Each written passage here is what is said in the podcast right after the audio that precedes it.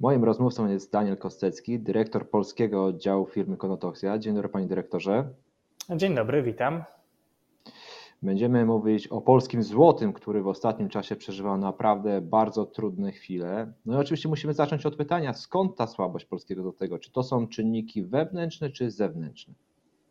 No, mamy tutaj w zasadzie pomieszanie kilku czynników i niestety wszystkie z nich są, wydaje się, niekorzystne dla polskiego złotego w ostatnim czasie. E, czynniki wewnętrzne, to wydaje się, że taka dosyć pogubiona komunikacja Rady Polityki Pieniężnej z rynkiem e, finansowym, e, gdzie rynek został zaskoczony podwyżkami stóp procentowych, a potem zostało mu mówione, że tak to właśnie miało wyglądać. No niestety to nie tędy droga.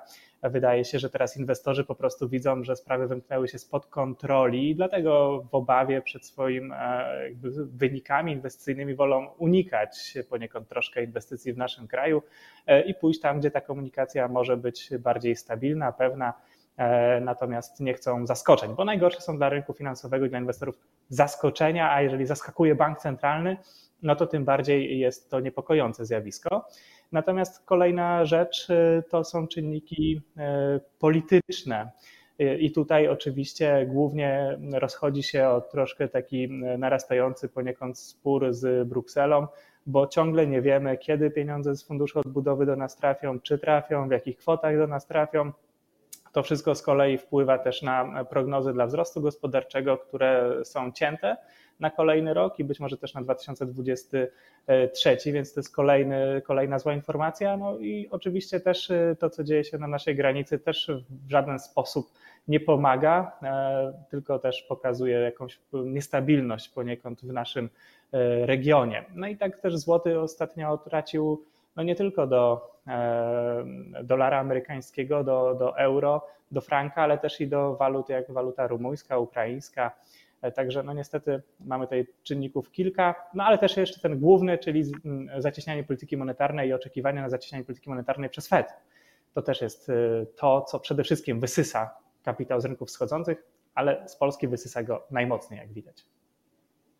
Mediach społecznościowych bardzo można e, często zobaczyć takie straszenie, że Polska i polski złoty może zacząć przypominać Turcję i tamtejszą lirę turecką.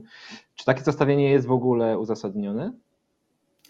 W takim scenariuszu bardzo lekkim, łagodnym, e, jakby obrazującym też bardzo niechciane konsekwencje, no to jest taki straszak, można powiedzieć, czyli robimy coś e, z bardzo dużym, takim powiedzmy, próbą wystraszenia opinii publicznej, żeby nie iść tą drogą.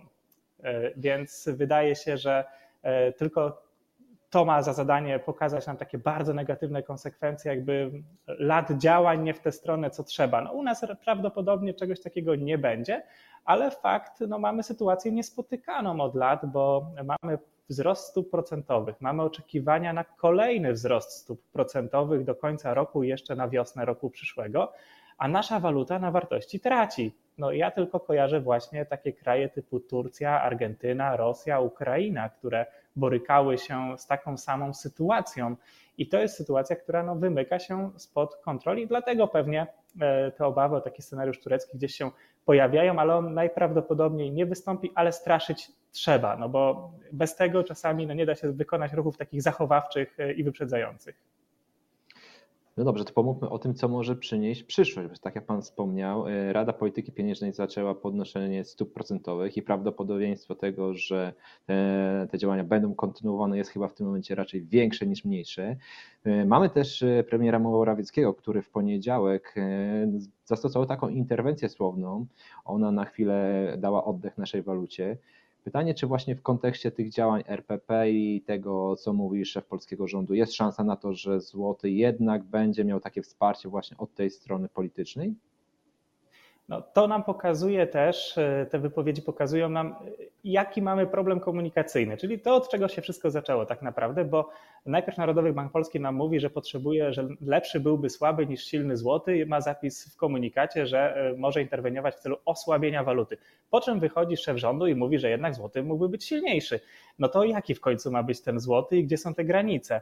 Bo to jest ten największy problem i teraz kolejny problem jest taki, żeby interweniować na rynku walutowym w celu umocnienia własnej waluty, a nie osłabienia, bo osłabiać walutę jest łatwo, gdy ma się ją własną i własny bank centralny, ale umacniać jest trudno, bo trzeba używać rezerw walutowych do tego, żeby je sprzedawać i wymieniać na walutę krajową. E, więc y, musielibyśmy się ich pozbywać, żeby złoty był y, stabilniejszy. Już nie mówimy, że silniejszy, tylko żeby ta wyprzedaż nie postępowała tak mocno. Więc pierwszy krok, jaki tutaj musiałby się pojawić, oprócz wypowiedzi politycznych, bo też Polska ma dług denominowany w walutach obcych, więc w ogóle sytuacja fatalna, bo nie dość, że trzeba za dług krajowy płacić większe odsetki, to jeszcze za dług obcy też trzeba płacić większe, e, no nie tyle odsetki, co po prostu e, więcej jest do, do spłacenia, bo jest waluta droższa. E, to pierwsze co, to należałoby zlikwidować z komunikatu zapis o możliwych interwencjach celem osłabienia waluty. To jest absolutna rzecz, którą należałoby wykonać, a później no, zacząć komunikować się z rynkiem jak należy, jakby nie próbować go zaskakiwać, tylko dowozić to, co się wcześniej powiedziało. A myśli Pan, że taki scenariusz, gdzie Rada Polityki Pieniężnej, a właściwie Narodowy Bank Polski albo właśnie poprzez BGH E, przystępujemy do działań i staramy się ustabilizować e, polską walutę. To jest on, jest, on jest w ogóle realny, czy to jest na razie tylko takie straszenie? No to jest bardzo krótkoterminowa perspektywa, dająca powiedzmy uspokojenie w, w naprawdę małym fragmencie czasu, bo to jest właśnie działanie na pozbywanie się rezerw walutowych i to nigdy nie jest dobry e, sposób i niestety krótkotrwały, krótkowzroczny, może w jakichś kluczowych momentach mógłby odwrócić e, trend typu wychodzą jakieś e, fatalne dane ze Stanów Zjednoczonych, e, dolar traci impet na globalnym rynku i wtedy pojawia się jakaś interwencja w takim dobrym timingu, która straszy troszkę inwestorów, którzy stwierdzają, że w sumie globalnie to trochę przesadzili też z tym pójściem w podwyżki na przykład trzy razy w ciągu 2022 roku podwyżki w Stanach Zjednoczonych tak? czyli to wysysanie kapitału wtedy z emerging markets trochę by przystopowało i wtedy wchodzimy z interwencją. To mogłoby mieć e, dobre, dobre, dobry efekt, dobre działanie. Natomiast e, no, trzeba to idealnie wycelować w punkt, e, bo samo straszenie inwestorów teraz w tę stronę interwencjami to niestety no, nic nie da, bo oni z chęcią zagrają przeciwko bankowi centralnemu, żeby go złamać. Czemu by nie? Panie dyrektorze, to na koniec pytanie, a właściwie prośba, żeby Pan spojrzał w swoją taką szklaną kulę i narysował e, wizję złotego za kilka, kilkanaście miesięcy. Będzie lepiej?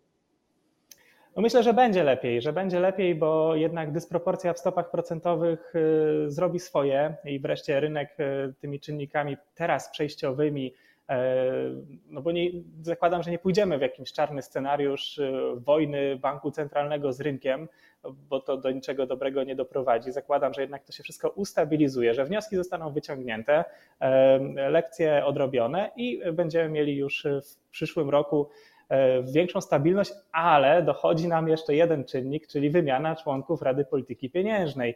No i to będzie naprawdę bardzo ciekawe, bo jeżeli to nowe rozdanie przyniesie nam właśnie taką lepszą komunikację, za co trzymamy wszyscy kciuki jako uczestnicy rynku, no to e, wydaje się, że, że pójdziemy w dobrą, w dobrą stronę. Także trzymajmy też kciuki za nowych członków Rady. I tym optymistycznym akcentem kończymy dzisiejszą rozmowę. Daniel Kostecki, dyrektor polskiego oddziału firma Konotoksja, był moim Państwa gościem. Bardzo dziękuję za poświęcony czas. Dziękuję również.